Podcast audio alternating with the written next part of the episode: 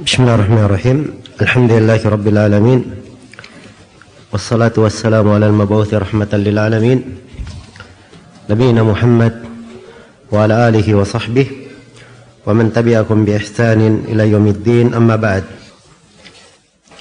Ini sesi yang kesembilan dari pembahasan kita mengkaji Kitab Tauhid karya Syekhul Islam Muhammad Ibn Abdul Wahab rahimahullahu taala. Kita telah membaca ayat yang pertama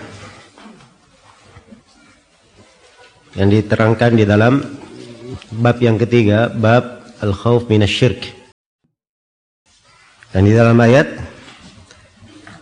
secara umum terdapat peringatan akan bahaya kesyirikan dengan dua jenisnya syirik as akbar dan syirik akbar. Syirik as akbar dan syirik asgar bahwa kedua dosa itu tidak diampuni. Dan telah kita uraikan. Ada silam pendapat di kalangan ulama masalah syirik asgar apakah dia masuk dalam cakupan yang tidak diampuni atau tidak. Kemudian ayat yang kedua. Berkata penulis rahimahullahu taala wa qala al-khalil alaihi salam wajnubni wa bani an na'bud al-asnam. Al-Khalil Nabi Ibrahim alaihi salam berucap dan jauhkanlah aku dan anak cucuku dari perbuatan menyembah berhala-berhala. Al-Khalil itu artinya orang yang mencapai derajat tertinggi di dalam kecintaan. Akan datang pembahasan seputar al-khullah, mahabbah dan terkait dengannya. Sebab tauhid juga ada pembahasan berkaitan dengan masalah kecintaan. Nabi Ibrahim Al-Khalil beliau berdoa kepada Allah Subhanahu wa taala Wajnubni dan jauhkanlah aku. Iya. Dia mulai dari mendoakan dirinya dulu, menjauhkanlah aku. Karena itu di dalam menyimpulkan ayat-ayat dan hadis tentang doa bahwa seorang kalau dia mendoakan untuk dirinya dan dia doakan juga orang lain maka hendaknya dia memulai untuk dirinya sendiri kemudian dia ikutkan orang lain dia doakan orang lain tersebut iya ini kalau dia menyebut dua-duanya, dirinya dan orang lain. Tapi kalau dia sebut orang lain saja, tidak ada masalah. Jauhkanlah aku wabaniya dan keturunanku. Iya. Baniya di sini ditafsirkan dengan dua tafsir.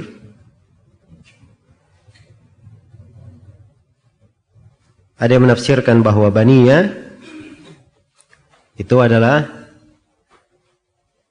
anak-anak kandungnya. Iya. Walaupun anak beliau cuma dua, yaitu Ismail dan Ishak.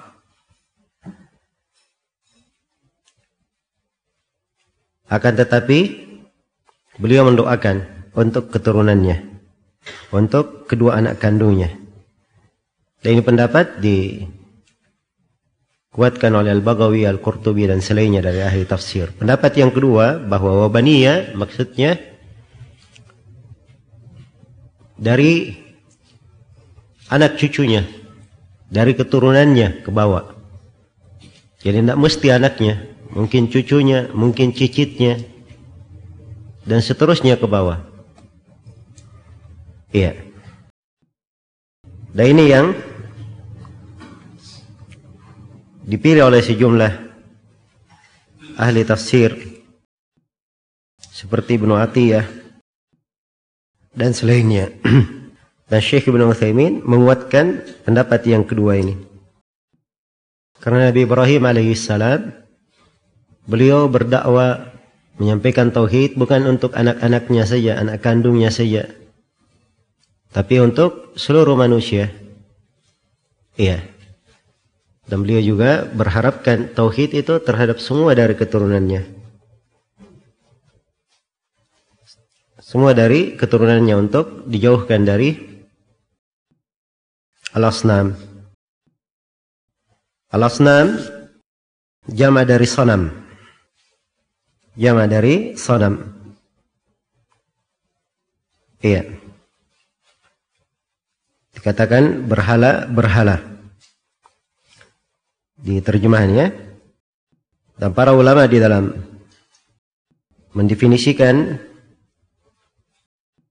Iya, al-asnam. Ada yang menyebutkan bahwa as-sanam itu yang yang dalam bentuk manhud terpahat. Dalam bentuk terpahat. Iya. Dan ada menyebutkan juga bahwa sonam itu dalam bentuk bergambar. Ada bentuknya seperti bentuk manusia atau bentuk hewan, itu disebut sonam.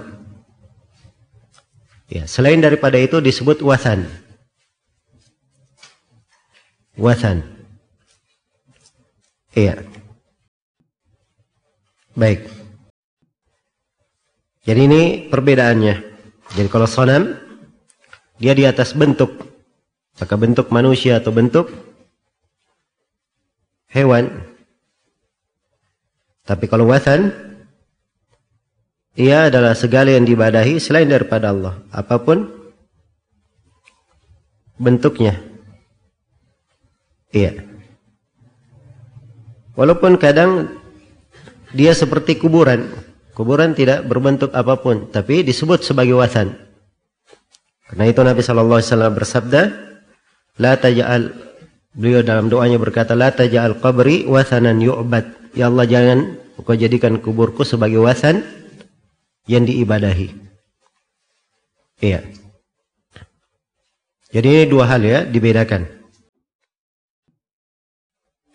Dan di dalam bahasa Indonesia semuanya disebut berhala. Nah. Dan kadang sonam ini mungkin lebih dekat dengan bahasa patung-patung sebab dia dalam bentuk. Baik. Mana ayat secara global? Bahwa Nabi Ibrahim alaihissalam berdoa kepada Robnya agar menjadikan dirinya dan anak-anaknya anak cucunya. Ya di apa selalu berada di atas tauhid dan dijauhkan dari peribadatan kepada patung-patung. Iya. Dan di kelanjutan ayat diterangkan apa sebabnya beliau memohon seperti ini. Rabbi innahunna adlalna kathiran minan nas. Wahai Rabbku, sesungguhnya berhala-berhala ini telah menyesatkan banyak manusia. Iya menyesatkan banyak manusia. Jadi subhanallah beliau sangat mengambil pelajaran dari apa yang menimpa banyak manusia. Tatkala banyak manusia telah disesatkan, maka beliau pun memohon kepada Allah agar supaya keturunannya dijauhkan dari peribadatan kepada patung-patung atau berhala-berhala itu. Iya. Dan ini juga terdapat pelajaran apa yang telah lalu bahwa kita tidak tertipu dengan jumlah banyak. Karena berhala-berhala ini menyesatkan banyak dari manusia. Kebanyakan dia sesatkan. Iya. Baik. Sisi pendalilan Penulis rahimahullah taala dengan membawakan ayat ini di sini sangat jelas sekali ya. Perhatikan Nabi Ibrahim alaihissalam imam para muwahhidin, panutan orang-orang yang bertauhid, orang yang disifatkan di dalam Al-Quran dengan tahqiq tauhid, kesempurnaan tauhid.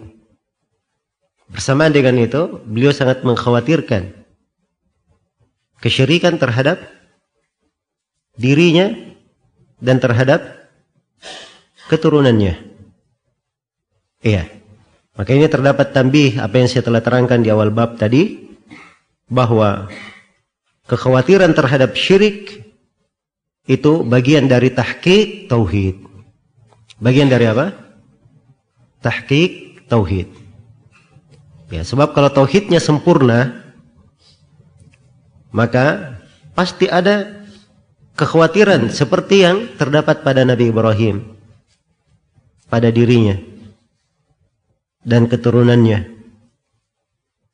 Iya. Dan ini yang hendaknya dijaga dan dipelihara. Baik. Dan di dalam ayat ini terdapat pelajaran iya bahwa kita wajib berwaspada, berhati-hati dari kesyirikan. Sebagaimana Nabi Ibrahim alaihissalam mengkhawatirkan hal tersebut. Dan juga terdapat dari ayat bahwa dari tahqiq tauhid adalah seorang itu berhati-hati dari kesyirikan khawatir terhadap kesyirikan. Sebab Nabi Ibrahim alaihissalam adalah panutan di dalam tahqiq tauhid dan mereka beliau memiliki kekhawatiran yang seperti ini dan di dalam ayat juga disyariatkan berdoa agar supaya ditolak darinya petaka, ditolak darinya kejelekan. Ya, karena kesyirikan ini petaka yang paling besar menimpa hamba. Petaka yang paling besar. Dan harus diketahui ya bahwa musibah yang menimpa agama itu lebih dahsyat daripada musibah yang menimpa apa? menimpa dunia seorang hamba. Karena itu Nabi sallallahu alaihi wasallam di antara doanya beliau berkata, "Wala taj'al musibatana fi dinina." Ya Allah, jangan Engkau jadikan musibah yang menimpa kami pada agama kami. Pada agama kami. Dan ini perkara yang sangat agung. Perkara yang sangat agung. Banyak dari manusia kalau tertimpa musibah pada hartanya, iya, pada keluarganya, pada anak-anaknya, seakan-akan hal tersebut adalah musibah yang terbesar. Tapi terjadi musibah pada agamanya. Iya. Ia jatuh misalnya di dalam bentuk dari kesyirikan dia tidak tahu. Atau dia jatuh di dalam dosa dianggap sebagai perkara yang biasa. Iya. Dan ini menunjukkan adanya sesuatu pada diri yang perlu dibenahi. Nah, kemudian di dalam ayat ini juga terdapat syariat berdoa kebaikan untuk diri dan anak keturunan. Iya. Untuk diri dan anak keturunan. Dan terdapat di dalam ayat ini juga bantahan terhadap orang-orang jahil yang mengatakan bahwa kesyirikan tidak akan terjadi di tengah umat ini. Ya. Dan ini masih diucapkan oleh sebagian orang-orang jahil. Ya, tidak perlu khawatir terhadap syirik. Karena semenjak Nabi diutus hilang sudah kesyirikan. Dan ini adalah hal yang keliru. Iya. Karena dalam Al-Quran disebutkan ucapan Nabi Ibrahim ini sebagai pemuka orang-orang yang bertauhid kekhawatiran akan hal itu dan disebutkan ayat-ayat tentang bahaya kesyirikan. Dan Nabi mengkhawatirkan kesyirikan itu terhadap para sahabatnya orang yang paling tinggi keimanannya. Dan di dalam hadith-hadithnya beliau peringatkan bahaya kesyirikan. Karena itu mengucapkan orang-orang jahil. Iya. Dan di dalam ayat ini juga terdapat peringatan bahwa membangun sebuah negeri yang aman membangun sebuah negeri yang aman, syaratnya harus bersih dari kesyirikan. Itu syarat. Iya. Dan ini tampak jelas pendalilannya kalau kita baca awal ayat. Wa idh qala Ibrahim rabbi hadzal balada amina wajnubni wa na'budal asnam. Ketika Nabi Ibrahim alaihissalam berkata, Wahai Rabbku jadikanlah negeri Mekah ini sebagai negeri yang aman. Dan jauhkanlah aku dari keturunanku, anak cucuku, dari peribadatan kepada berhala. Perhatikan beliau memohon keamanan untuk kota Mekah. Ya, dari syarat keamanan Nabi Ibrahim harus memohon supaya dijauhkan dari apa? Kesyirikan. Sebab ini syarat keamanan. Syarat keamanan. Dan tidak akan tercipta keamanan di sebuah negeri Apabila negeri itu tidak punya perhatian di dalam membersihkan manusia dari kesyirikan. Iya. Maka semakin banyak kesyirikan di suatu tempat, akan semakin sedikit keamanan di tempat itu. Semakin banyak kejelekan dan rasa takut. Iya. Dan ini fikih yang harus diketahui oleh Siapa yang diberi tanggung jawab oleh Allah? Apakah tanggung jawab memiliki keluarga? Kalau dia ingin ciptakan keamanan di keluarganya, dia tanamkan tauhid dengan baik. Harus ada peringatan dari kesyirikan. Dia ingin ciptakan keamanan di tengah masyarakatnya, di lingkungannya, harus dia tanamkan tauhid. Iya, dia peringatkan dari kesyirikan. Dia ingin menanamkan keamanan di negerinya, di negaranya, maka harus ada perhatian terhadap tauhid dan peringatan akan bahaya kesyirikan. Ini faedah ayat yang kedua ya. Di ayat yang pertama tadi ada satu apa namanya? satu faedah yang kita lupa menyebutkannya. Ya, di Tasyiril Azizil Hamid dan di Fathul Majid disebutkan untuk ayat yang pertama innallaha la yaghfiru ayyushraka wa yaghfiru ma duna dzalika liman Itu ada bantahan untuk kaum Khawarij dan Mu'tazilah yang mengafirkan pelaku dosa besar. Karena Allah telah menyebutkan bahwa yang tidak diampuni hanya dosa kesyirikan. Adapun selain kesyirikan termasuk dosa besar itu dibawa kehendak Allah di bawah kehendak Allah. Dan ini bantahan terhadap kelompok Al-Wa'idiyah dari kalangan Khawarij dan Mu'tazilah yang mengatakan bahwa pelaku dosa besar kekal di dalam neraka. Baik. Kemudian setelah membawakan dua ayat, Syekh rahimahullah taala ya di sini menyebutkan tiga hadis Beliau menyebutkan tiga hadis. Hadis yang pertama kata beliau fil hadithi dan di dalam hadis akhwafu ma akhafu alaikum asyirkul asgar. Hal yang paling aku khawatirkan terhadap kalian adalah asyirkul asgar Suatu yang paling aku khawatirkan terhadap kalian adalah syirik asgar, syirik kecil. Fasu'ila anhu, kemudian Nabi tanya, apa syirik asgar itu? Faqala ar-riya, maka Nabi menjawab riya. Ini hadith dari sahabat Mahmud ibn Labid radhiyallahu anhu. Diriwayatkan oleh Imam Ahmad dan selainnya. Iya. Haditsnya dikuatkan oleh sejumlah ulama. Baik. Perhatikan hadits yang agung ini.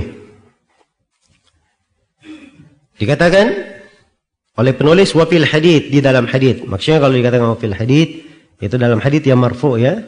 Sebab itu dasar penggunaan pada hadith. Iya, walaupun dia dia tidak sebutkan Nabi bersabda, tapi maksudnya ini dari ucapan Nabi.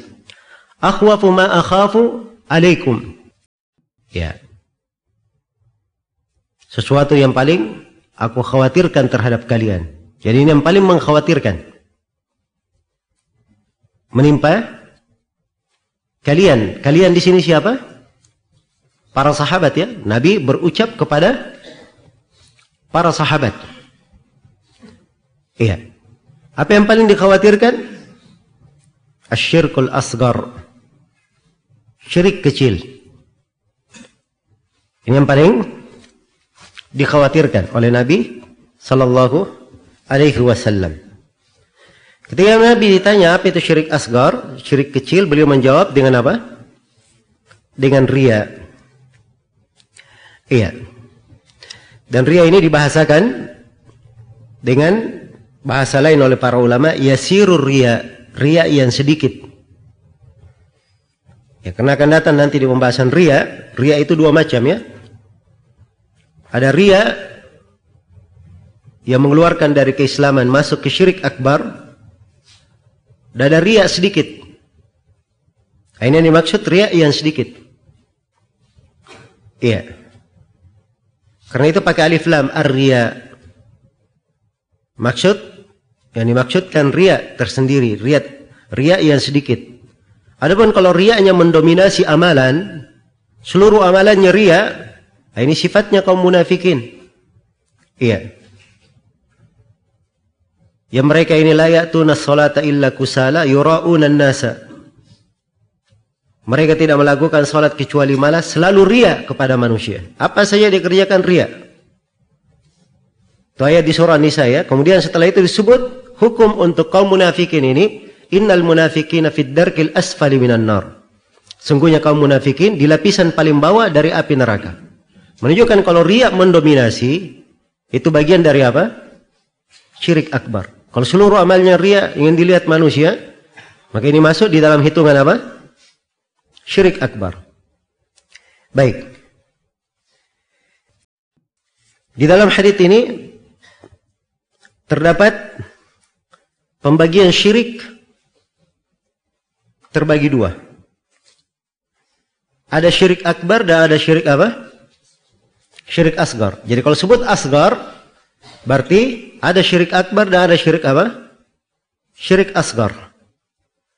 Iya, dan sebagian ulama ada yang menyebut syirik yang ketiga disebut dengan nama syirik al-khafi yang tersembunyi.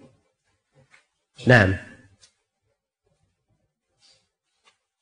Dan ini mungkin akan lebih jelas nanti ya di pembahasan ria tentang hal ini. Iya. Dan pembagian ini adalah pembagian yang benar. Pembagian yang benar. Iya. Dan di sini hukumnya pasti berbeda. Sebab syirik akbar itu pelakunya keluar dari apa? Keislaman. Adapun syirik asgar tidak mengeluarkan dari keislaman. Karena Nabi di sini mengkhawatirkan terhadap para sahabat. Perbuatan ria ini, tetapi beliau tidak menyebutkan kekufuran. Hal yang mengeluarkan dari keislaman. Menunjukkan bahwa ini adalah dosa yang besar, tetapi tidak mengeluarkan dari apa? Dari keislaman. Iya. Dan di dalam mendefinisikan syirik asgar, ini ada beberapa definisi yang disebutkan oleh para ulama. Iya. Dalam mendefinisikan apa syirik asgar itu. Nah. Syekh Abdurrahman bin Nasir As-Sa'di di Qaulus Sadid beliau mendefinisikan syirik asgar huwa jami'ul aqwal wal af'al allati yutawassalu biha ila syirk Syirik asgar adalah seluruh ucapan dan perbuatan yang bisa mengantar kepada syirik akbar. Jelas ya? Jadi seluruh ucapan dan perbuatan yang bisa mengantar kepada syirik akbar Nah, ini yang disebut dengan nama syirik asgar. Jadi beliau masukkan di sini wasilah yang mengantar kepada apa? Kesyirikan. Iya. Jadi segala hal yang bisa menjadi wasilah kepada syirik akbar itu dihitung sebagai syirik apa? Syirik asgar. Dalam ucapan maupun perbuatan. Nah, di dalam fatwa Al-Lajnah Daimah mereka definisikan syirik asgar itu dengan definisi yang sangat indah. Iya. Ini di Fatwa Lajnah Daimah oleh Syekh bin Bas, Syekh Abdul Razak Al-Afifi, Syekh Abdullah Al-Gudayyan, dan Abdullah bin Qa'ud. Mereka definisikan huwa kullu ma naha anhu syara' mimma huwa dari'atun ila syirkil akbar wa wasilatun lil wuku'i fihi wa ja'a fin nusus tasmiyatuhu syirkan. Iya. Ini definisi yang detail sekali ya. Sangat detail sekali. Kata Lajnah Daima, syirik asgar itu adalah segala hal yang dilarang oleh syariat.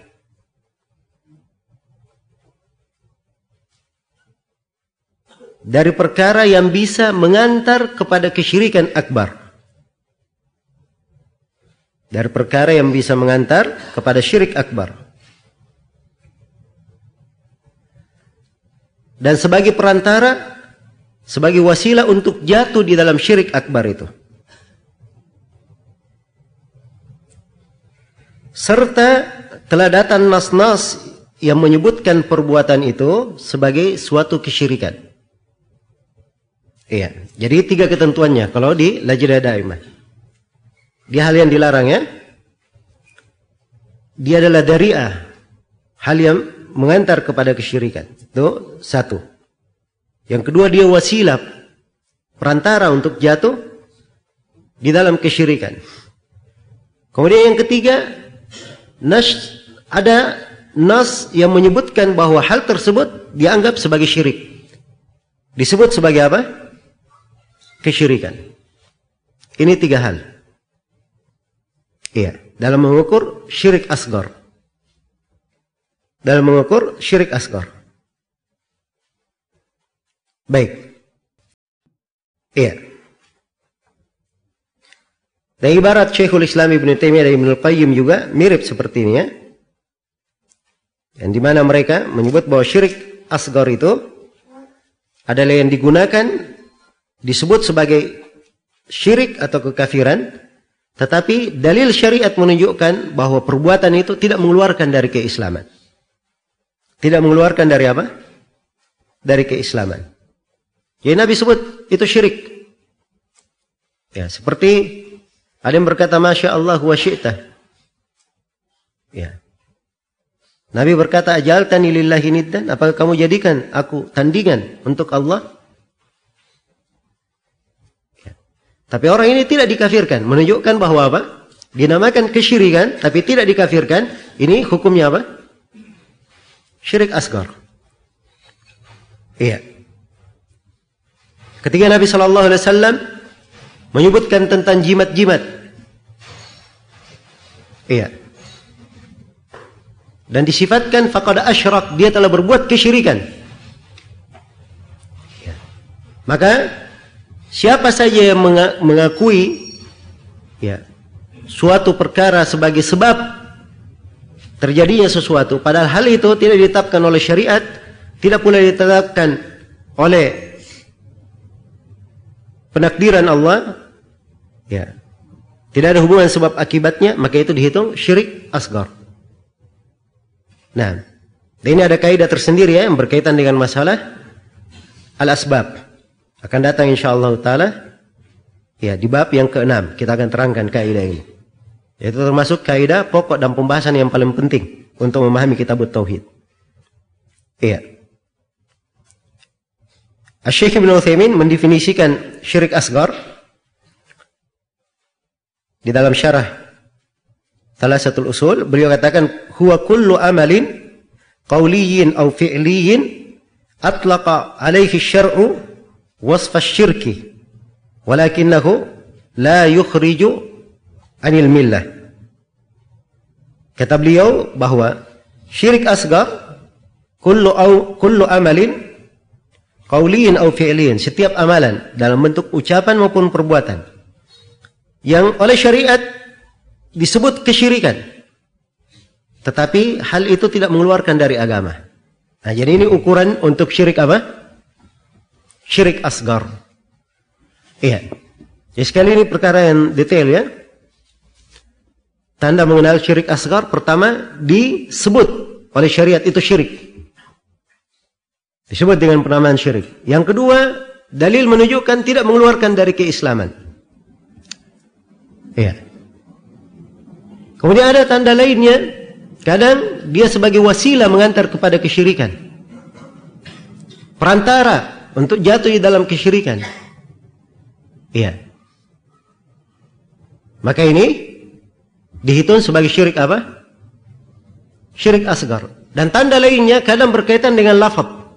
Syiriknya berkaitan dengan apa? Lafaz bukan berkaitan dengan keyakinan dalam hati. Iya. Nah, ini kesimpulan-kesimpulannya untuk syirik asgar. Supaya seorang tahu bentuk-bentuk syirik asgar itu apa. Itu kaidah umumnya ya. Dengan kaidah umum ini, kalau kita sudah pahami, insya Allah Taala akan memudahkan kita di dalam mengkaji satu persatu dari bentuk-bentuk syirik asgar yang diterangkan oleh Syekh di sini.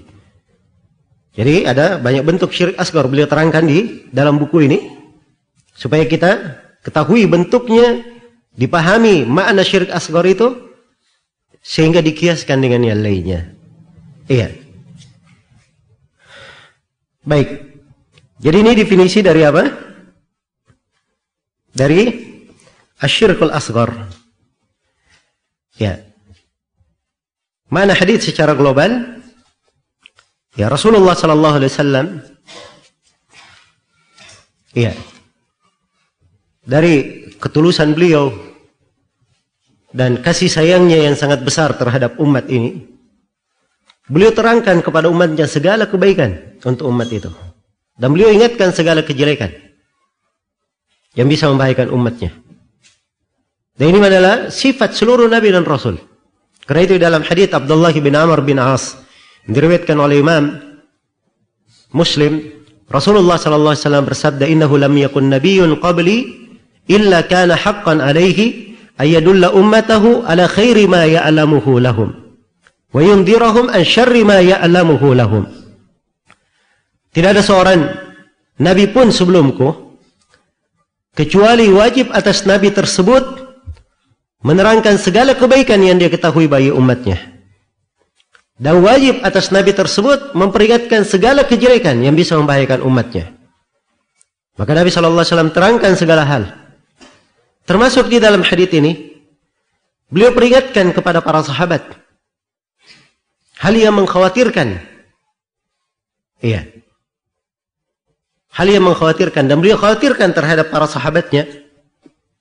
Yaitu dan ini disebut syirik asgar, yaitu perbuatan apa? Perbuatan ria. Iya. Dan ria ini pada orang-orang salih sangat mungkin terjadi. Karena asal jiwa manusia itu senang diangkat. Senang ditokohkan, ditinggikan. Iya. Senang dipuji. Itu pada jiwa manusia. Iya. Maka tabiat ini kadang mengarahkan ia kepada ria dan dia tidak menyadarinya. Tidak menyadarinya. Ya. Karena itu penyakit yang seperti ini cinta untuk ditinggikan, ditokohkan. Ya. Ini disebut oleh para ulama akhir penyakit yang keluar dari hatinya orang-orang yang salih. Iya. Karena memang ini perlu perjuangan di dalam memeranginya. Perlu pendidikan akhlak yang sangat kuat. Iya. Maka Nabi Shallallahu Alaihi Wasallam ingatkan kepada para sahabatnya. Iya. Dan ini menunjukkan keutamaan para sahabat. Rasulullah Sallallahu Alaihi Wasallam selalu menjaga kesempurnaan tauhid mereka. Iya. Mereka diingatkan akan hal-hal yang mungkin saja itu membahayakan mereka tapi mereka tidak mengetahuinya. Nah, hubungan hadis ini dengan bab sangat jelas ya. Bahwa pada hadis ini terdapat pendalilan akan kekhawatiran terhadap syirik asgar. Iya. Pada syirik asgar dikhawatirkan terhadap para sahabat. Tapi dari sisi pemahaman terdapat juga kekhawatiran terhadap syirik akbar. Sebab kalau para sahabat saja yang sempurna ya, pengetahuan mereka tentang agama ini, yang mereka ini disifatkan sebagai sebaik-baik umat, dikhawatirkan oleh Nabi akan syirik asgar, maka tentunya selain sahabat, lebih dikhawatirkan jatuh di dalam syirik asgar, bahkan dikhawatirkan mereka jatuh dalam syirik apa? Syirik akbar. Kalau begitu, hadith ini terdapat peringatan sekaligus terhadap dua kesyirikan untuk khawatir terhadap dua kesyirikan. syirik asgar dan syirik apa? Syirik akbar. Karena begitu diingatkan para sahabat yang sempurna keimanannya dikhawatirkan syirik asgar, maka selain sahabat juga dikhawatirkan syirik asgar dan dikhawatirkan syirik akbar. Iya. Baik. Kemudian di dalam hadis ini terdapat faedah pelajaran yang pertama di halaman 55 ya. Yang pertama, Kekuatan rasa takut. Ya, untuk jatuh di dalam syirik asgar. Syirik kecil. Hal ini tinjau dari dua, dua sisi. Rasulullah sallallahu alaihi wasallam mengkhawatirkan terjadinya syirik tersebut dengan kekhawatiran yang sangat. Iya. Kemudian yang kedua Rasulullah mengkhawatirkan hal tersebut terhadap orang yang salih yang sempurna. Ya. Derajat keimanannya juga dikhawatirkan jatuh di dalamnya. Maka ini Ya, dari dua sisi ini kita akan melihat ya, pendalilan yang sangat kuat akan harusnya seorang itu takut dari kesyirikan. Nah, baik. Dan sekali lagi saya ingatkan dari faedah dua ayat yang telah berlalu, kalau pada dua ayat sudah kita terangkan bahwa sifat orang yang mentahkik tauhid takut dari kesyirikan, maka di dalam hadis ini pun ada makna ini. Sebab ini para sahabat Orang-orang yang bertauhid, contoh orang yang bertauhid, ya, oleh Nabi Wasallam dikhawatirkan hal yang seperti ini. Karena itu kekhawatiran terhadap kesyirikan itu dari wujud tahqiq terhadap tauhid. Jelas ya? Dan tampaknya orang-orang yang punya kekhawatiran terhadap syirik itu. Ya, dia selalu mengkaji tauhid, mendengarkan tauhid, ya. Belajar, ya. Dan kelihatan dari para ulama kita. Dalamnya keilmuan mereka. Iya.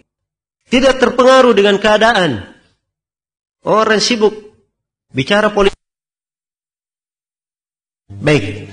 Saya terlihat kedalaman ilmu para ulama kita. Dengan berbagai kejadian yang terjadi di tengah manusia. Orang-orang sibuk dengan fitnah, dengan gejolak politik. Mereka tidak ikut di dalamnya. Tapi kesibukan mereka adalah apa? Kepada dasar yang memperbaiki segala hal itu. Itu sibuk dengan tauhid. Iya, memperingatkan manusia dari bahaya kesyirikan. Dan ini manhaj Rabbani. Iya.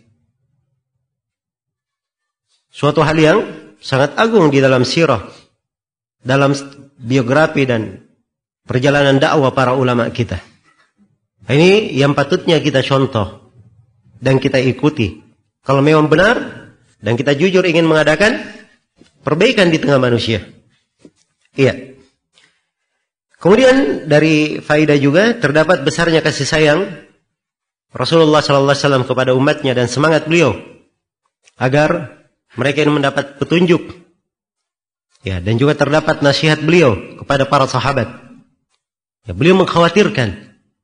Ini menunjukkan besarnya kasih sayang.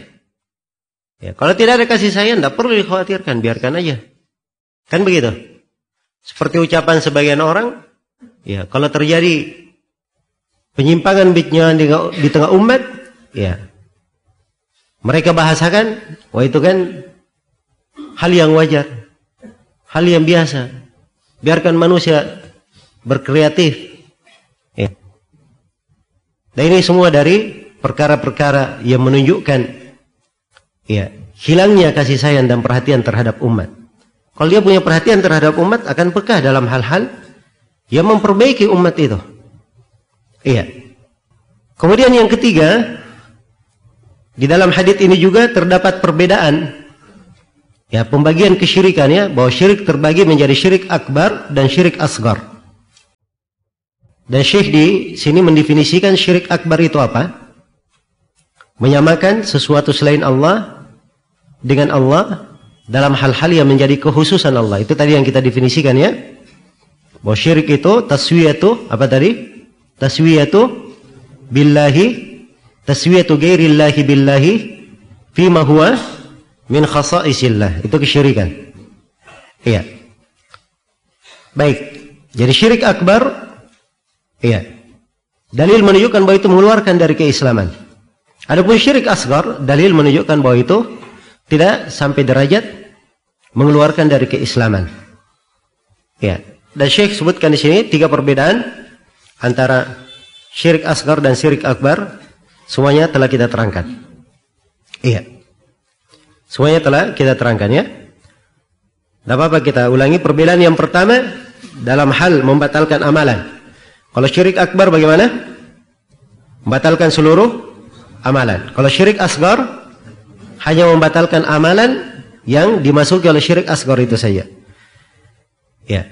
Dalam hal kekekalan pelakunya di dalam neraka. Kalau syirik akbar, pelakunya kekal dalam neraka. Kalau syirik asgar, iya, kalau masuk dalam neraka tidak kekal di dalamnya.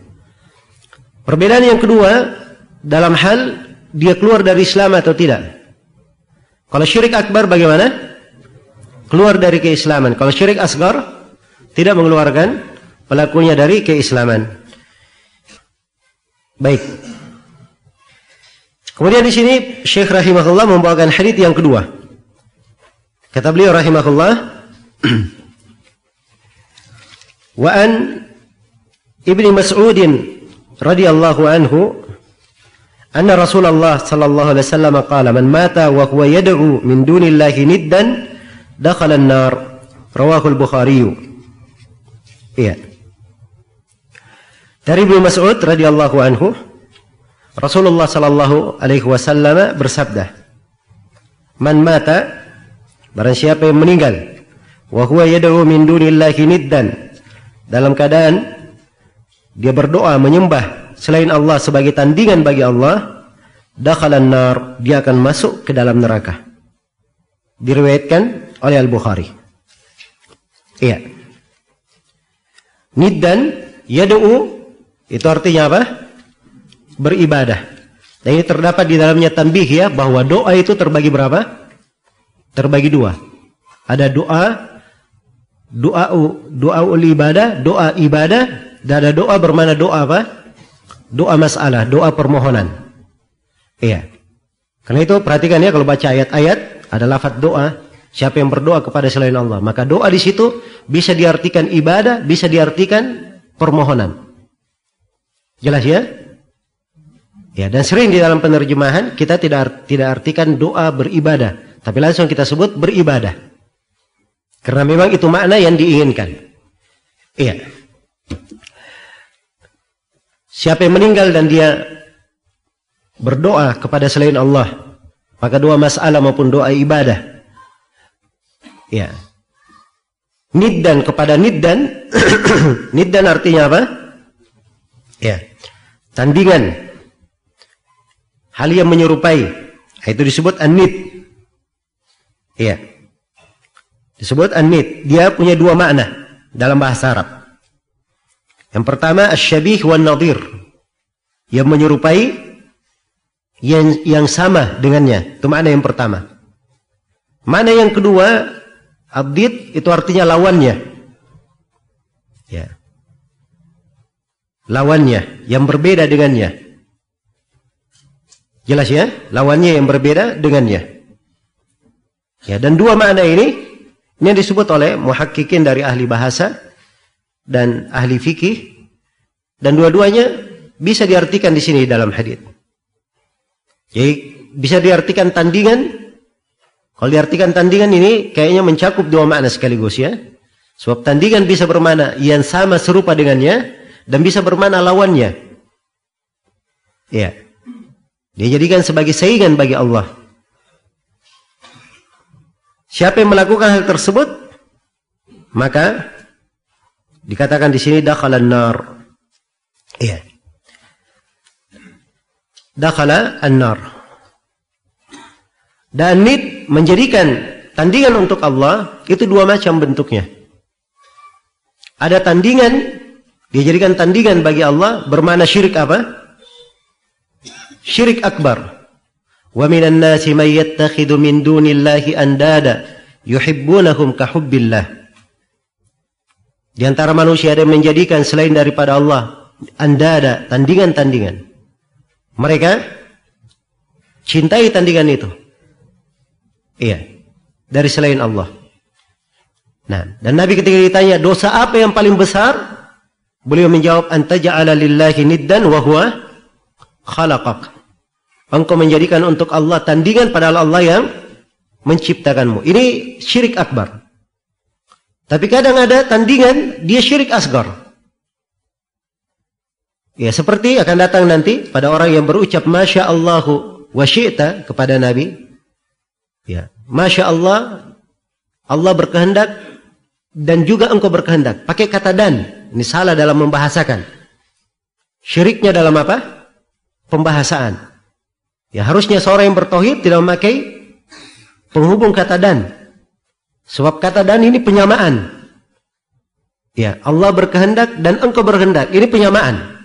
Jelas ya? Dan itu lagi syirikan sebab kesyirikan penyataraan, penyamaan. Semuanya disebut syirik.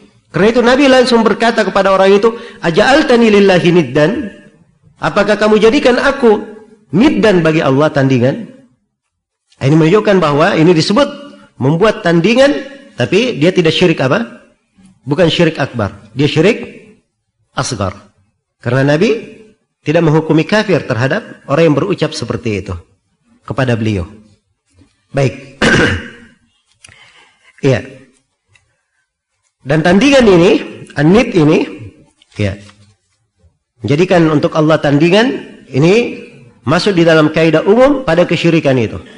Apakah di dalam rububiyah Allah atau di dalam uluhiyahnya atau di dalam nama-nama dan sifatnya. Baik mana global? Dari hadis ini Rasulullah sallallahu alaihi wasallam mengabarkan bahwa barang siapa yang mengadakan tandingan yang disamakan diserupakan dengan Allah dalam peribadatan yang dia berdoa meminta dan memohon keselamatan kepada tandingan itu baik tandingan tersebut berupa nabi dan selainnya dan dia terus menerus dalam keadaan seperti itu sampai dia meninggal dan tidak bertobat sebelum meninggal tempat dia kembali adalah neraka. Karena dia apa? Dia itu musyrik. Iya. Kemudian Syekh menyebutkan di halaman 56 bahwa membuat tandingan bagi Allah dua macam. Pertama mengadakan sekutu bagi Allah dalam jenis-jenis ibadah atau sebagian pada sebagian jenis. Maka ini adalah syirik akbar dan pelakunya kekal dalam neraka. Ini tadi kita katakan tandingan bermana syirik akbar. Yang kedua hal-hal yang masuk dalam syirik kecil. Seperti ucapan seorang apa-apa yang Allah dan engkau kehendaki. Pakai kata sambung dan ya. Ya karena kalau bukan karena Allah dan kamu dan yang semisal dengannya mengandung kata sambung dan pada lafaz jalala Allah. Iya. Demikian pula riak ringan. Ini membuat tandingan. Dan Syekh bahasakan riak ringan ya, sebab ini bahasa para ulama dalam apa mendefinisikannya. Maka yang seperti ini, ini syirik asgar, tidak menjadikan pelakunya kekal dalam neraka. Iya. Baik, hubungan hadis dengan bab sangat jelas sekali. Iya. Bahwa seorang harus khawatir terhadap dirinya dari dua jenis kesyirikan sekaligus. Syirik asgar dan syirik apa? Akbar. Jangan sampai dia meninggal dalam keadaan dia berbuat apa? Kesyirikan ini. Iya. Jangan, jangan sampai dia meninggal dalam keadaan dia membuat tandingan untuk Allah Subhanahu wa taala. Ya, dan di sini ada satu poin yang ingin saya ingatkan dalam kelengkapan pembahasan. Ya, ucapan Nabi dakhalan nar, dia masuk ke dalam neraka. Iya. Masuk dalam neraka ini apa?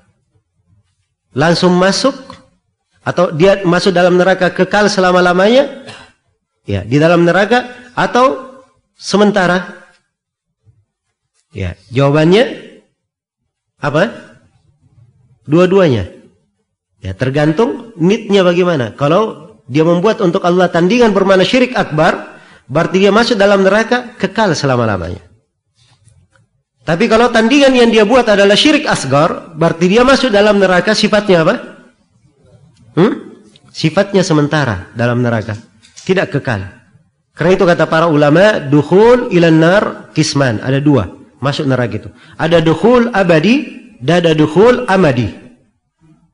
Ada masuk neraka selama-lamanya dan ada masuk neraka sementara. Iya, ini tergantung jenis kesyirikannya. Nah, dari sini barulah kita pahami ya betapa detailnya para ulama di dalam memahami hadith-hadith. Dan ini dari kedalaman ya pembahasan ilmu agama. Dan ini harus dipahami ya supaya seorang tidak jatuh di dalam kesyirikan. Iya. Dan seorang hamba tatkala dia tahu bahwa syirik ini semuanya berbahaya, ya. Bukan hanya syirik akbar yang berbahaya, syirik asgar pun ancamannya dengan neraka dengan neraka. Menunjukkan bahwa syirik asgar walaupun tidak mengeluarkan pelakunya dari keislaman, tidak dikekalkan di dalam neraka, tapi ya, pemastian dia disiksa di dalam neraka kalau berbuat syirik asgar ini sangat banyak diterangkan di dalam apa? di dalam hadis walaupun dia tidak kekal di dalamnya. Iya. Dan naudzubillah ya, kalau ada yang berharap apa namanya? masuk neraka. Iya. Oh, enggak apa-apa ini syirik asgar. Kan masuk neraka sementara saja. Iya. Masuk neraka sementara saja.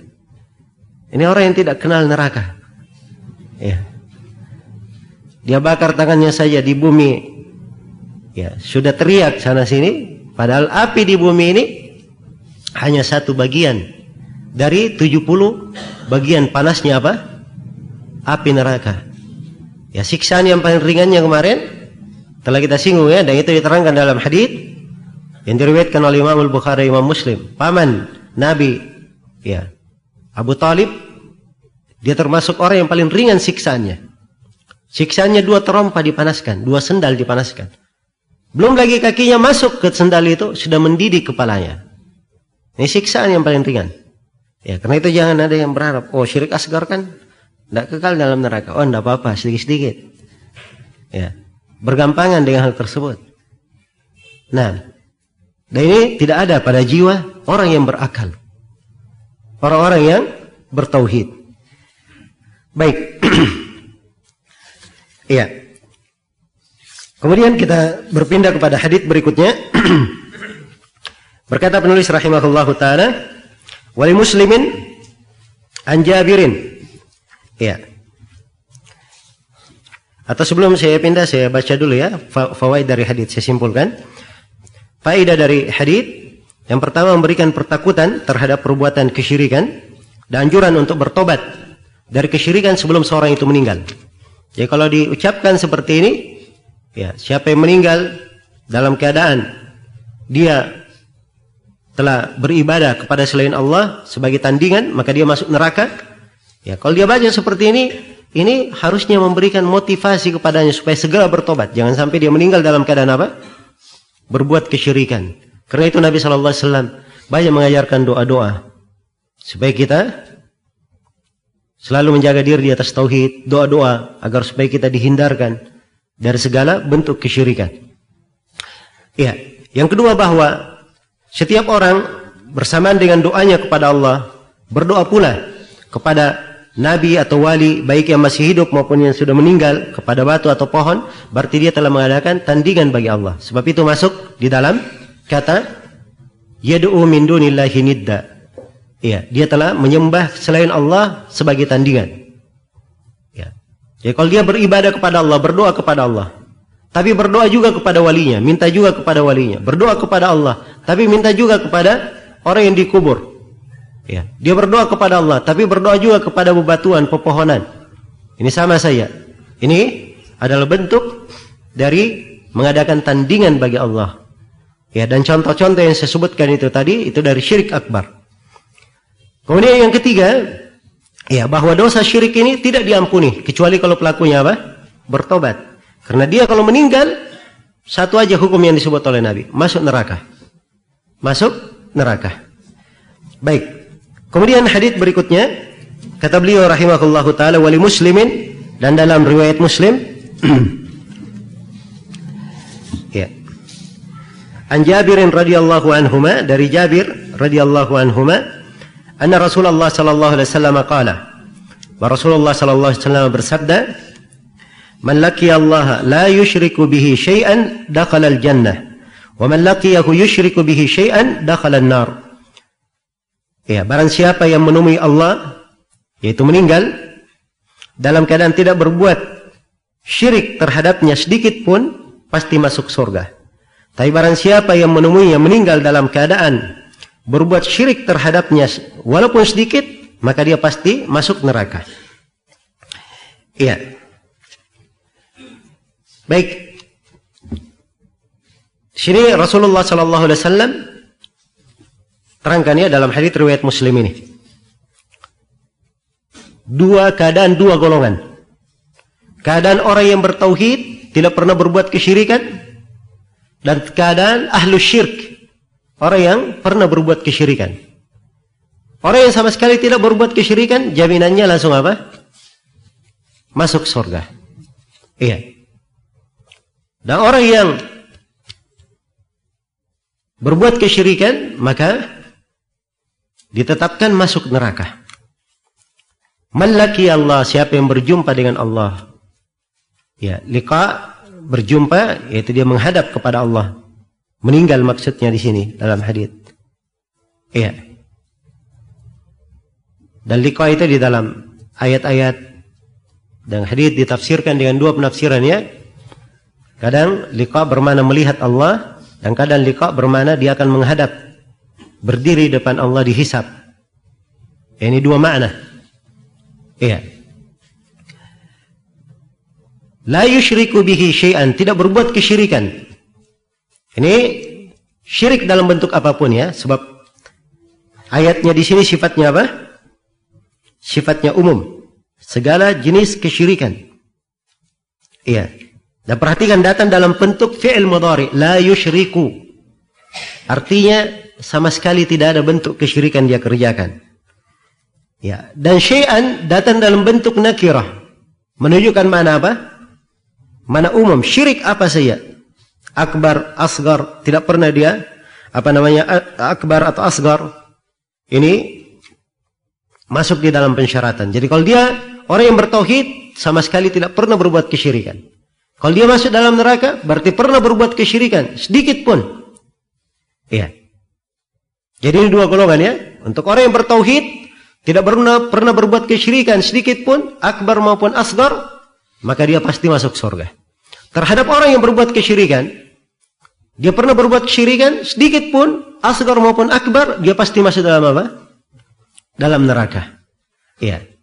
Hanya saja untuk pelaku syirik ya, yang dimasukkan ke dalam neraka telah kita sebutkan tadi bahwa masuk nerakanya terbagi berapa? terbagi dua. Kadang masuk kekal selama-lamanya ini kalau syirik akbar dan kalau syirik asgar dia apa? Sementara. Iya. Adapun masuk surga orang yang sudah masuk surga tidak akan keluar lagi. Kalau seorang sudah masuk apa? Masuk ke dalam surga. Baik. Iya. Demikian mana dari atau keterangan dari hadis ini. Mana hadis secara global bahwa Rasulullah sallallahu alaihi wasallam mengabarkan bahwa Barang siapa yang meninggal di atas tauhid, ya. Beliau kabarkan bahwa dia akan masuk ke dalam surga. Dan ini adalah kepastian. Nah, sebab syaratnya hanya tidak berbuat kesyirikan, tidak disebut berbuat dosa besar. Ya. Jelas ya? Adapun pelaku dosa besar telah berlalu ya bahwa pelaku dosa besar di bawah apa? Kehendak Allah. Iya. Dan orang yang meninggal di atas kesyirikan itu masuk neraka. Nah, dan syirik di sini terbagi dua, ada syirik akbar dan syirik asgar. Kalau dia syirik akbar, kekal di dalamnya. Kalau syirik asgar, dia sementara di dalam neraka tersebut. Hubungan hadith dengan bab sangat jelas sekali ya, terdapat peringatan keras terhadap perbuatan kesyirikan sehingga mengharuskan seorang itu ya memiliki takut yang sangat besar terhadap kesyirikan tersebut. Iya. Dari kandungan pelajaran hadits ini yang pertama kewajiban takut kepada kesyirikan. Karena akan selamat dari neraka, ya, dipersyaratkan seorang itu harus selamat dari kesyirikan. Kalau ingin selamat dari neraka, harus apa? Bersih dari kesyirikan. Yang kedua bahwasanya yang dianggap yang menjadi ukuran itu bukanlah banyaknya amalan. Tapi yang dianggap selamatnya amalan dari kesyirikan. Oh, ini termasuk pelajaran yang sangat berharga sekali. So banyak orang ya, yang penting amalannya banyak, banyak berbuat amalan. Ya, dia lakukan ini dalam harapan ingin mendapatkan pahala, tapi dia tidak ukur amalannya. Dia tidak periksa amalannya. Ini benar di atas sunnah atau tidak, bersih dari kesyirikan atau tidak. Iya. Seorang hamba harus selalu mengukur amalannya. Karena itu dalam hadis ini amalan tidak diukur kecuali dengan satu sifat saja. Dia bersih dari kesyirikan. Iya. Yang ketiga, penjelasan makna la ilaha illallah. Ini hadis terdapat tafsir ya, makna la ilaha illallah. Bahwa la ilaha illallah itu artinya ya, meninggalkan segala bentuk kesyirikan dan beribadah hanya kepada Allah Subhanahu wa taala. Ya. Dan di dalam hadis ini terdapat penjelasan dekatnya sorga dan neraka dari hamba. Bahwa tidak ada yang memisahkan seorang hamba dengan sorga atau neraka kecuali kematian.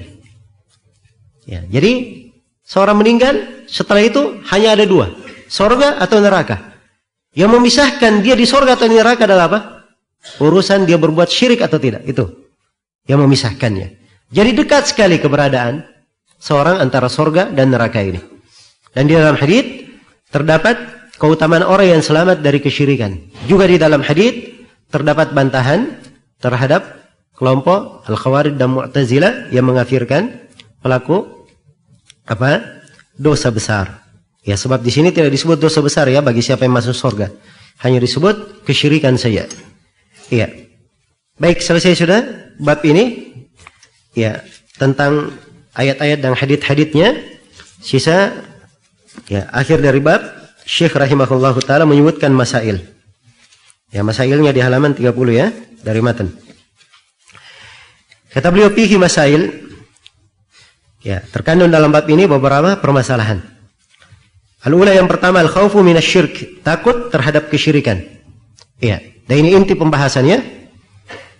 Dari inti pembahasan. Karena di dalam bab ini telah Syekh terangkan ayat bahwa Allah tidak mengampuni dosa kesyirikan dan beliau dan Syekh juga telah terangkan uh, ayat yang kedua Nabi Ibrahim pemuka orang-orang yang bertauhid mengkhawatirkan dirinya ya dan keturunannya dari kesyirikan ini dan telah diterangkan tiga hadis yang semuanya memberikan ya gambaran akan bahaya dari kesyirikan tersebut. Ya. Bahaya dari kesyirikan itu. Apalagi Nabi bersabda akhwafu ma akhafu alaikum. Hal yang paling aku khawatirkan terhadap kalian. Kemudian yang kedua, ya. Anda riya syirk bahwa ria itu dari apa? Dari kesyirikan. Dan ini insyaallah taala akan datang penjelasannya. Dan sekali lagi saya tegaskan bahwa ria yang dimaksud di sini ria apa? Ria yang ringan. Adapun ria yang berat akan datang nanti itu dari hal yang mengeluarkan dari keislaman. Kemudian yang ketiga, ats-tsalitsah annahu minasyirkil asghar. Bahwa ria itu bagian dari syirik kecil. Syirik kecil kalau dia ria yang sedikit. Ar-rabi'ah annahu akhwafu ma yukhafu minhu 'ala salihin. Bahwa ria adalah amalan yang paling ditakuti terhadap orang-orang yang salih. Terhadap orang-orang yang salih. Iya. Dan inilah letak ujian ya bagi seorang hamba kehidupannya adalah ujian. Iya. Dia tatkala menekuni menapaki ibadah juga ada ujian di dalamnya supaya lebih menyempurnakan kedekatannya kepada Allah. Ya. Nah, dimaklumi ya emas itu kalau ada hal yang bercampur dengan emas perkara selain dari emas dibakar di api supaya jatuh apa-apa yang bukan emas itu. Demikian pula pada besi, kalau ada karatan dibakar dengan api supaya jatuh karatan-karatannya. Ini untuk memurnikan. Ya, demikian pula ujian-ujian yang menimpa seorang hamba itu adalah hal-hal yang membersihkannya, mensucikannya dan semakin memurnikan keimanannya. Iya. Kemudian yang kelima, al-khamisah, qurbul jannati wan nar, dekatnya surga dan neraka. Ya. Sebab Di hadits yang terakhir diterangkan ya bagaimana dekatnya. Pemisahnya hanya kematian. Dan seorang hamba ya, yang membedakannya adalah masalah apa? Masalah bagaimana dia memurnikan ibadahnya, tidak berbuat kesyirikan. Itu yang memisahkannya.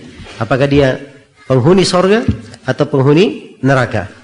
Ingat. Baik. Kemudian yang keenam as-sadisah al-jam'u baina qurbihima fi haditsin wahid. Ya, pengumpulan hal tersebut dalam satu hadis yaitu hadis Jabir yang kita baca terakhir ya, disebut dalam satu hadis. As-sabi'ah yang ketujuh annahu man laqiyahu la yushriku bihi syai'an dakhala al-jannah wa man laqiyahu yushriku bihi syai'an dakhala an-nar walau kana min a'badin nas. Barang siapa yang menemuinya yaitu meninggal dalam keadaan tidak berbuat kesyirikan kepada Allah sedikit pun pasti dia masuk surga. Namun barang siapa yang menemui Allah meninggal dalam keadaan berbuat suatu kesyirikan terhadapnya pasti dia masuk neraka. Walaupun dia adalah manusia yang paling banyak ibadahnya. Sebab tidak diterangkan di sini. Hanya diterangkan berbuat kesyirikan masuk neraka. Ya, tidak ada perbedaan dia banyak amalannya atau tidak. Ya, karena amalan-amalan salih walaupun jumlahnya banyak ya. Tapi kalau dia berbuat kesyirikan maka akan hancur amalan tersebut, tidak dianggap. Ya, tadi saya bacakan ayat ya di surah Al-Furqan. Wa qadimna ila ma amilu min amalin faja'alnahu haba'an mansura. Kami hadapi amalan yang mereka lakukan Lalu kami jadikan amalan tersebut bagikan debu yang berterbangan. Tidak dianggap amalannya. Karena apa? Karena adanya hal yang membatalkan amalan tersebut.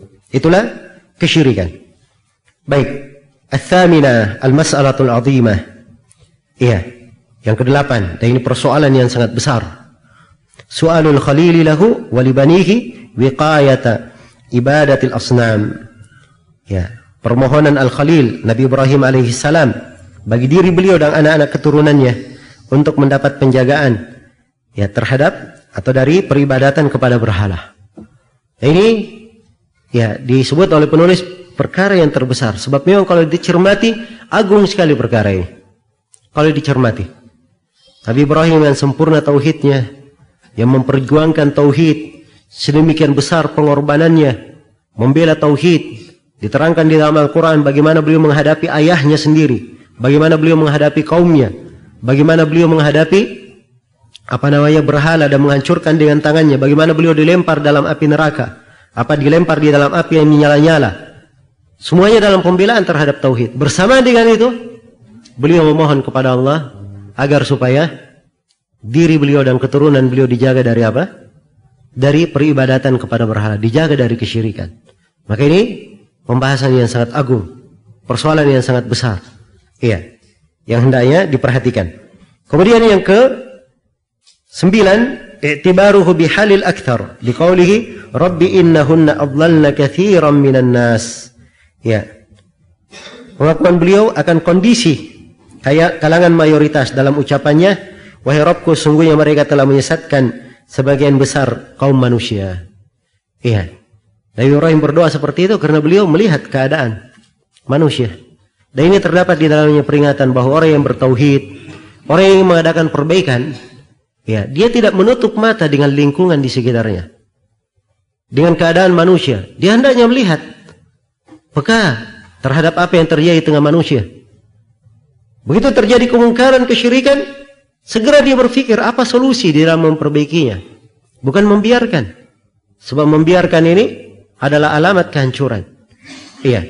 Karena dikhawatirkan kalau turun musibah, orang-orang yang membiarkan juga akan apa? Masuk di dalam lingkup musibah itu. Karena Allah firman wattaqu fitnatan la tusibanna alladhina zalamu minkum khassah. Takutlah kalian dari fitnah yang tidak akan menimpa orang-orang yang berbuat zalim saja secara khusus. Iya. Orang yang baik pun tertimpa. Ya, dan Nabi sallallahu alaihi wasallam ketika mengabarkan kehancuran yang sudah dekat.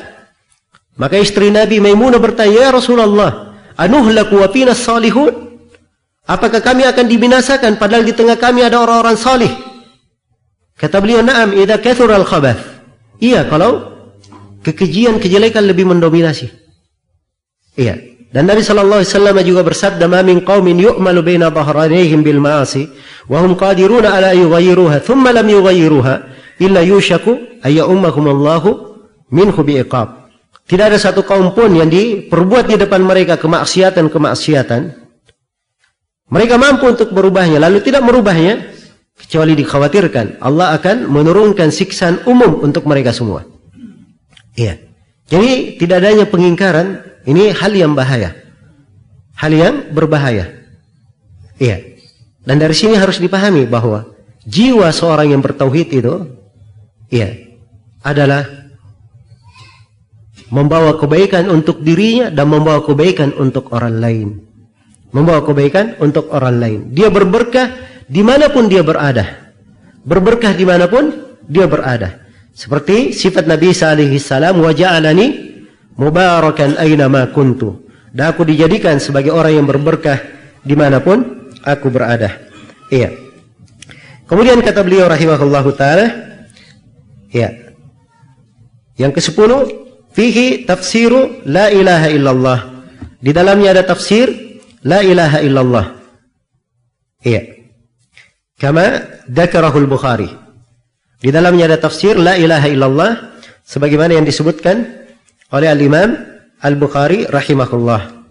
Ya, ini ucapan Syekh di sini di masalah yang ke-10 ini ini termasuk hal yang ya banyak di anggap uh, apa namanya tidak begitu jelas oleh kebanyakan yang mensyarah. Ya maksudnya dari sisi di mana Al Bukhari menyebutkan dari pembahasan apa yang telah disebutkan oleh Syekh rahimahullah. Ya, karena itu kebanyakan yang mensyarah masalah yang ke 10 ini mereka hanya mengambil istimbat bahwa maksudnya karena hadit-hadit yang diterangkan semuanya tercakup di dalamnya. Ya, bahwa siapa yang bertauhid masuk surga dan siapa yang berbuat kesyirikan masuk neraka. Dan itulah makna apa? La ilaha illallah. Tapi sekarang Syekh menginginkan apa yang disebut oleh Al-Bukhari. Ya harusnya kan diterangkan di mana Al-Bukhari menyebutkan. Iya. Baik. Dan di sini ada satu faedah. Ini tercatat di buku saya, saya nggak ingat apa ini dari pelajaran Syekh Shalal Fauzan atau dari pelajaran guru yang lainnya. Iya. Bahwa yang dimaksud dari yang disebut oleh Al-Bukhari ya adalah ucapan beliau di Kitabul Janaiz. Di Kitabul Janaiz Al-Bukhari memberi judul bab begini. Bab man kana akhir kalamihi min ad-dunya la ilaha illallah dakhala al-jannah. Itu judul babnya Imam Al-Bukhari ya. Bab siapa yang akhir ucapannya dari dunia la ilaha illallah dia masuk surga. Ya. Itu judul bab Imam Al-Bukhari. Setelah itu Imam Al-Bukhari bawakan hadis Ibnu Mas'ud yang sudah berlalu. Man mata wa huwa yad'u min dunillahi niddan dakhala nar Siapa yang meninggal dan dia berdoa menyembah selain Allah sebagai tandingan, maka dia masuk neraka. Ya, jadi kalau kita lihat judul bab Al-Bukhari dan hadis yang beliau bawakan, seakan-akan Al-Bukhari menafsirkan la ilaha illallah Beliau tafsirkan la ma'budu bihaqqin illallah. Tidak ada yang berhak diibadahi kecuali Allah. Jelas ya? Dan ini insyaallah taala tempat yang paling bagus yang kita arahkan makna ucapan Syekh di sini seperti yang disebut oleh Al-Bukhari. Baik, kemudian yang ke-11. Al-hadiyata asyrata. Iya. Al-hadiyata asyrata. Fadilatu man salima minasyirk. Keutamaan orang yang selamat dari kesyirikan. Ya, keutamaan orang yang selamat dari kesyirikan. Ya, karena di dalam hadit-hadit ini semuanya diterangkan. Ya, bahayanya kesyirikan itu siapa yang jatuh di dalamnya akan menghancurkannya. Diancam dengan neraka wal billah. Maka siapa yang selamat dari kesyirikan, pastilah dia mendapatkan keutamaan. Selesai bab yang ketiga, kita pindah kepada bab yang keempat. Berkata penulis rahimahullahu taala babud du'ai ila syahadati an la ilaha illallah. Iya. Ini bab yang keempat ini Ya, bab yang paling banyak masailnya. Sebab di dalam bab ini nanti di masail di pembahasan bab eh, eh, penulis rahimahullahu taala menyebutkan 30 masalah. 30 pembahasan. Dan kitab tauhid pada setiap babnya ada pembahasannya ya. Paling banyaknya 30 ini. Paling sedikitnya dua pembahasan, paling sedikitnya. Iya. Baik, kata beliau babud doa ila syahadati an la ilaha illallah. Bab dakwah kepada syahadat la ilaha illallah. Iya. Dan ini juga dari hal yang sangat indah di susunan Syekh di sini. Ya. Perhatikan ya di awal bab beliau terangkan kewajiban. Setelah itu beliau terangkan keutamaan tauhid. Bagaimana tauhid itu menggugurkan dosa. Kemudian beliau terangkan derajat tertingginya orang-orang yang bertauhid dalam mentahkik tauhidnya. Kemudian beliau terangkan bahaya kesyirikan. Ya, kekhawatiran jatuh dalam syirik. Setelah lengkap penjelasan tentang tauhid, keagungan, keutamaannya, lengkap penjelasan syirik, bahayanya, maka Syekh membawakan di sini bab berikutnya, yaitu mendakwakan tauhid itu. Iya. Agar supaya seorang berdakwah kepada apa? Berdakwah kepada tauhid. Ya, dan di dalam bab ini Syekh rahimahullah akan membawakan ayat-ayat dan hadith-hadith yang menjelaskan tentang dakwah kepada tauhid dan syarat-syaratnya. Dan syarat-syaratnya. Iya. Dan ini termasuk susunan yang sangat indah dari Syekh rahimahullahu taala. Ya. Kalau sudah lengkap seluruhnya, ah, itulah keberuntungan yang paling besar. Ya, karena ini masuk di dalam ya Keberuntungan yang dijamin dalam firman Allah wal asri innal insana lafi khusrin illa alladhina amanu wa amilus salihat wa tawasaw bil haqqi wa bis sabr. Wal asri demi waktu asar atau demi masa. Sungguhnya manusia benar-benar dalam kerugian kecuali orang-orang yang beriman. Perhatikan tauhid yang pertama disebut. Wa amilus salihat, dia beramal dengan tauhidnya. Menjaga kesempurnaan tauhid sebab amalan salih mencakup Ya, yang wajib yang sunnah dan dia tinggalkan yang haram dan yang apa? Yang makruh. Iya. Watawasau bil haq saling berwasiat dengan kebenaran. Ah, inilah dakwah di jalan Allah. Watawasau bis sabar dan saling berwasiat dengan kesabaran. Saling berwasiat dengan kesabaran. Iya. Jadi doa di sini mananya apa? Mana ya dakwah ya? Doa bermana apa? Bermana dakwah. Iya. Jadi ini bab penjelasan tentang berdakwah kepada syahadat la ilaha illallah yang mendakwakan tauhid. Baik, mengajak manusia kepada tauhid. Ya, dan Syekh rahimahullah sebutkan syahadat la ilaha illallah sebab ini inti dari tauhid. Inti dari tauhid. Adapun mana syahadat la ilaha illallah akan datang insyaallah di bab setelahnya. Karena di bab setelahnya di situ penafsiran tentang syahadat dan penafsiran la ilaha illallah. Iya. Sini Syekh rahimahullah menyebutkan sebuah ayat dan beliau menyebutkan dua hadis yang agung. Penjelasan tentang dakwah kepada tauhid. Iya. Baik. kita baca ayatnya ya dan kita detailkan. Ya. Kandungan dari ayat. Kata beliau rahimahullah wa ta'ala dan firman Allah ta'ala Qul hadhihi sabili ad'u ila Allah ala basiratin ana wa man ittaba'ani wa subhanallah wa ma ana minal musyrikin. Katakanlah inilah jalan inilah jalanku itu jalan agamaku. Iya. Ad'u ila Allah ala basiratin ana wa man ittaba'ani aku dan orang-orang yang mengikutiku mengajak hanya kepada Allah ala basirah dengan hujjah yang nyata.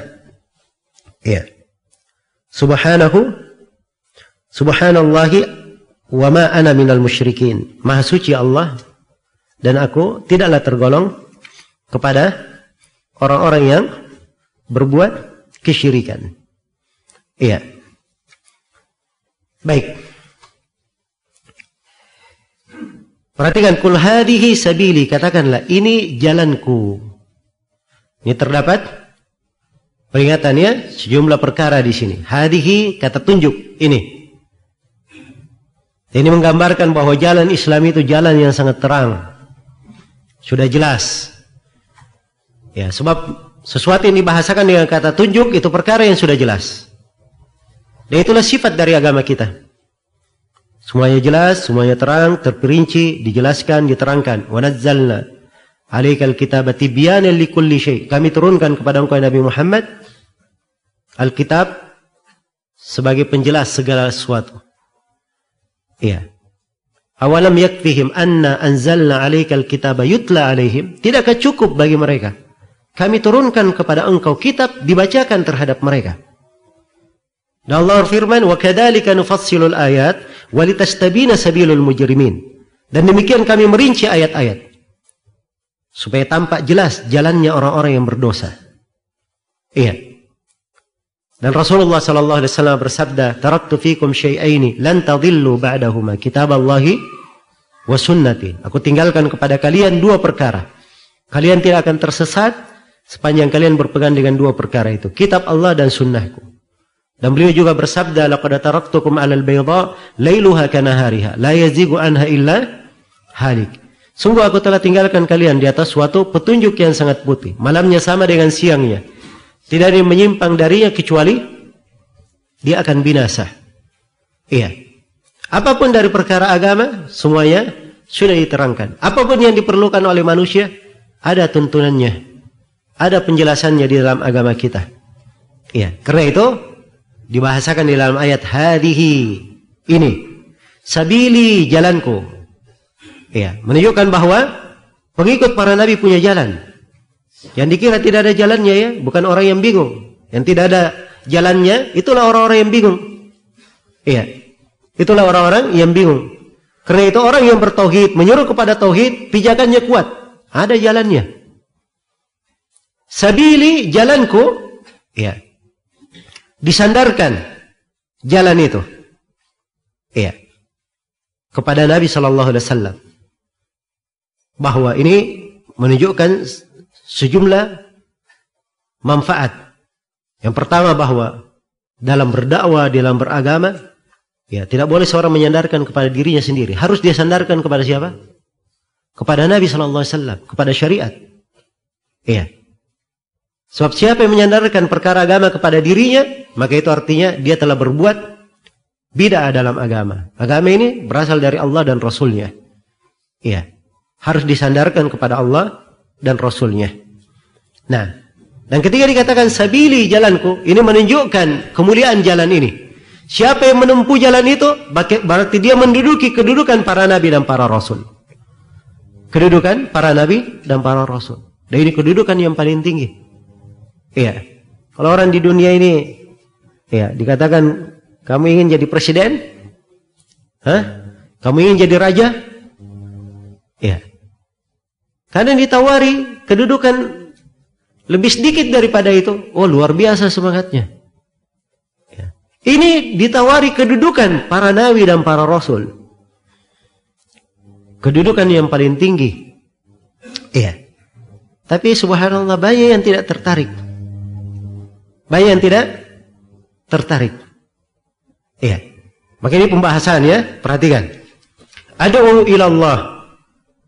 Ya. Aku berdakwah kepada Allah. Perhatikan ad'u pakai fi'il mudhari. Dan fi'il mudhari itu yufidul istimrar, memberikan mana kontinu, terus-menerus. Ya, itulah dakwah di jalan Allah, tidak mengenal letih. Dan apa namanya? berketerusan. Ya, bukan kalau ada kesempatan dia melakukannya, tapi dia berikan waktu itu menjadi prioritasnya. Iya menjadi perhatiannya. Nah ini harus disadari oleh suatu umat yang ingin dijayakan. Iya. Harus disadari oleh suatu umat yang ingin dijayakan. Dan itulah keberadaan para sahabat radhiyallahu taala anhum. Ya. Para sahabat ini mereka orang-orang yang kebanyakannya kekurangan. Ya. Mungkin dari kita semiskin apa pun dia, tidak ada yang seperti sahabat. Dia hanya punya satu kain yang melekat di badannya saja.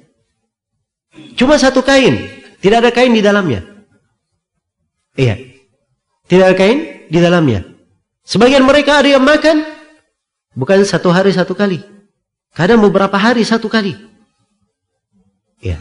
Tapi perhatikan bagaimana Allah meninggikan agama dengan mereka. Karena mereka punya perhatian terhadap agama Allah.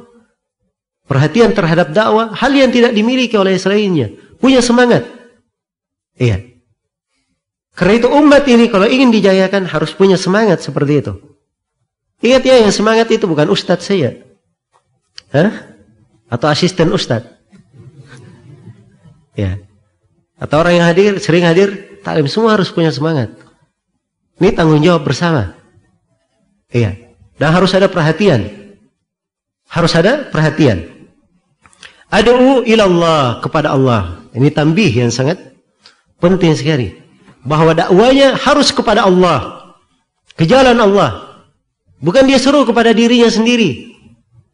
Diajak manusia untuk mengikutinya. Ya, menyanjungnya atau diajak manusia untuk mengikuti kelompoknya, mengikuti golongannya. Diajak manusia kepada kepentingan dunia, kepentingan pribadi. Tidak. Dakwanya ilallah. Ya. Perhatikan. Syarat ilallah di sini kepada Allah.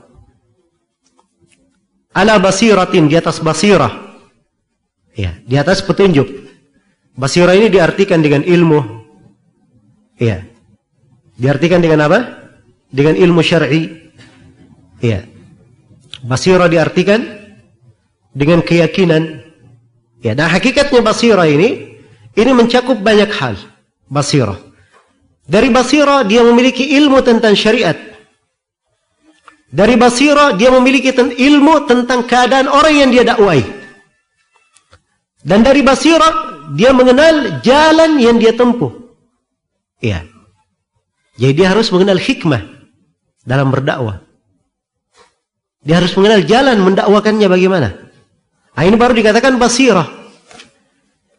Kalau dia punya ilmu yang pertama, kemudian yang kedua, dia kenal orang yang dia dakwai yang kedua, dan yang ketiga dia punya jalan di dalam menyampaikannya. Nah, ini baru memiliki basirah namanya. Ya. Sebagian orang dia punya ilmu, tapi dia tidak mengerti siapa yang dia dakwai. Iya. Dia tidak mengerti siapa yang dia dakwai. Dan ini kadang saya sebut ya sebab saya banyak sedih di hari-hari ini melihat sebagian penuntut ilmu kadang dia belajar di sebagian tempat di luar negeri begitu dia pulang dia anggap bahwa bumi yang dia berpijak di Indonesia ini sama di tempat belajarnya iya kalau di tempat belajarnya semua orang seperti itu dia harus begitu juga di negeri ini dan ini tidak memiliki basirah orang yang seperti ini. Ya. Tidak memiliki basirah. Bagaimana caranya mau mengajak manusia kepada kebaikan?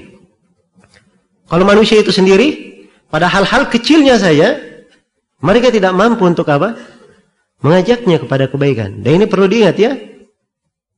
Ya. Dan kadang sebagian orang, ya, dia punya kepandaian di dalam menyampaikan, mendekatkan.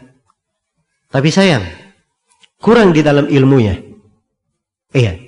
Sehingga penyampaian-penyampaiannya kadang tidak tepat. Dan ini hal yang sangat merusak. Iya. Baik. Dan kadang ada yang punya semangat. Semangat menyampaikan. Tapi tanpa ilmu. Dan ini keadaan banyak dari orang-orang yang giat dakwah di masa ini. Ya, mereka sedih melihat kondisi umat, sedih melihat kesyirikan, dos uh, apa namanya kemaksiatan, ya kemunduran. Ya. Mereka terbangkit ingin berdakwah mengajak. Ya. Tapi yang satu mengajaknya dia mulai dengan cara apa? Ayo datang ke masjid sholat. Nah, bawa kompor keliling ke mana-mana. Ya. Untuk mengajak apa? Sholat saja. Ini yang diprioritaskan. Dan ini namanya tidak mengerti jalan dakwanya para nabi. Maka harus punya ilmu tentang bagaimana cara mendakwai. Ya, cara mendakwai. Ya. Sebagiannya lagi, oh ini masalah yang terbesar. Ya, adalah masalah pengaturan. Kita harus berkuasa dahulu. Nah, kalau kita berkuasa, tidak ada yang bisa menindas kita. Ya. Maka berlomba-lomba lah mereka berpolitik. Buat partai. Ya. Luar biasa sudah Sekian lama juga partai. Sudah ada yang jadi pimpinan MPR, sudah ada menjadi ini, menjadi itu. Mana perubahan yang dia lakukan? Iya. Malah dia yang habis dimakan. Iya. Untuk acara pemilihan saya supaya terpilih jadi gubernur, ya rela dia katakan bahwa bukan dari misi pemerintahan saya apa? Memberantas miras, menutup tempat-tempat berzina dan sebagainya. Ini hilang sudah dari keagamaan. Ya. Karena apa? Karena suatu dosa dia masuk di dalam ingin membela agama tapi dengan dalih apa? Dengan dengan menempuh cara yang tidak disyariatkan. Mana jalan Rasulullah sallallahu alaihi wasallam? Beliau tidak pernah sibuk-sibuk mengajak manusia ya untuk memimpin berpolitik. Kepemimpinan itu kejayaan untuk umat, hal yang dipastikan untuk umat ini. Ya. Hal yang dipastikan. Bashir hadhil ummah bis sana. Ya. Warif'ati fid din. Wattamkin fil bilad. Beri kabar gembira kepada umat ini. Bisana warif'ati fid dini wattamkin fil bilad. Dengan ketinggian, kejayaan. Ya. Di dalam agama dan kekukuhan di berbagai negeri. Beri kabar gembira. Tapi Nabi sebutkan syaratnya. Man amila minhum amalat dunya lil akhirah, falaysa lahum fil akhirati nasib. Siapa di antara mereka yang beramal dunia untuk kepentingan, beramal akhirat untuk kepentingan dunia, maka tidak ada bagiannya di ana di akhirat. Lagi-lagi syaratnya adalah apa? Tauhid, ada syaratnya. Kalau ingin mendapatkan kejayaan. Ya, karena itu basirah harus dia kuasai tiga hal. Dia punya ilmu apa yang dia dakwakan. Kemudian yang kedua, dia mengerti cara mendakwakannya bagaimana. Punya hikmah di dalam mendakwakan. Dan hikmah ini pembahasan yang luas ya. Pembahasan yang luas. Iya. Kemudian yang ketiga, dia hendaknya mengenal orang-orang yang dia dakwai. Orang-orang yang dia dakwai. Ya. Dan ini dari basirah. Sebab seorang dai di mana pun dia berada, dia tahu kedudukan siapa yang dia bicarai. Dia berbicara kepada siapa. Sehingga uslub yang tepat itu akan lebih diterima oleh jiwa. Lebih diterima oleh jiwa. Iya. Kalau seorang misalnya di kondisi terkena musibah, dia ingin dakwah di situ tentang tauhid, iya. Maka dia masuk dari arah yang mencocoki kondisi mereka. Mereka ingatkan tentang musibah misalnya. Kemudian mereka terangkan tentang sebab turunnya musibah dia masuk menjelaskan tentang tauhid, itu akan indah. Jelas ya? Maka harus pandai seorang dai melihat kondisi orang yang dia dakwahi. Nah, ini tiga hal semuanya disebut basirah. Ana wa man ittaba'ani. Kembali dimunculkan domir, ana aku. Itu Nabi Muhammad. Ini penegasan bahwa ini adalah jalan beliau. Wa man ittaba'ani dan siapa yang mengikutiku. Ya, adapun selain Nabi Muhammad pekerjaannya di sini hanya mengikuti mencontoh bukan membuat perkara baru. Subhanallah wa ma ana minal musyrikin. Maha suci Allah iya. Maha suci Allah dan aku tidak termasuk dari orang-orang yang berbuat kesyirikan. Disucikan Allah. Ini menunjukkan bahwa di dalam dakwah harus selalu dijaga bahwa dakwanya itu arahnya dalam mensucikan Allah itulah tauhid iya dan harus dia tegaskan bahwa dia bukan termasuk orang-orang yang berbuat kesyirikan. Iya, menunjukkan bahwa dakwah itu punya tamayuz, punya perbedaan. Beda antara dai di jalan kitab as-sunnah dan selainnya. Harus ada perbedaan. Karena itu para ulama ketika berbicara tentang agama, mereka terangkan agama Islam ini berbeda dengan seluruh agama kekafiran. Dan ketika mereka menjelaskan manhaj yang benar, jalannya Nabi dan para sahabatnya, mereka terangkan perbedaannya. Jalan yang benar ini dengan jalan ahlul bid'ah. Karena memang harus ada tamayuz, pembedaan. Sebab kalau umat tidak dibedakan jalan yang lurus, mereka akan bingung. Apalagi zaman seperti sekarang ini. Terlalu banyak jalan-jalan yang keliru, jalan-jalan yang salah. Kalau seorang dai berat untuk mengatakan ini keliru, ini sesat, ini menyimpang, maka kapan umat akan memahami jalan yang benar? Iya. Karena itu di sini perhatikan, wa ma ana minal musyrikin. Sungguhnya aku tidak tergolong kepada orang yang berbuat kesyirikan.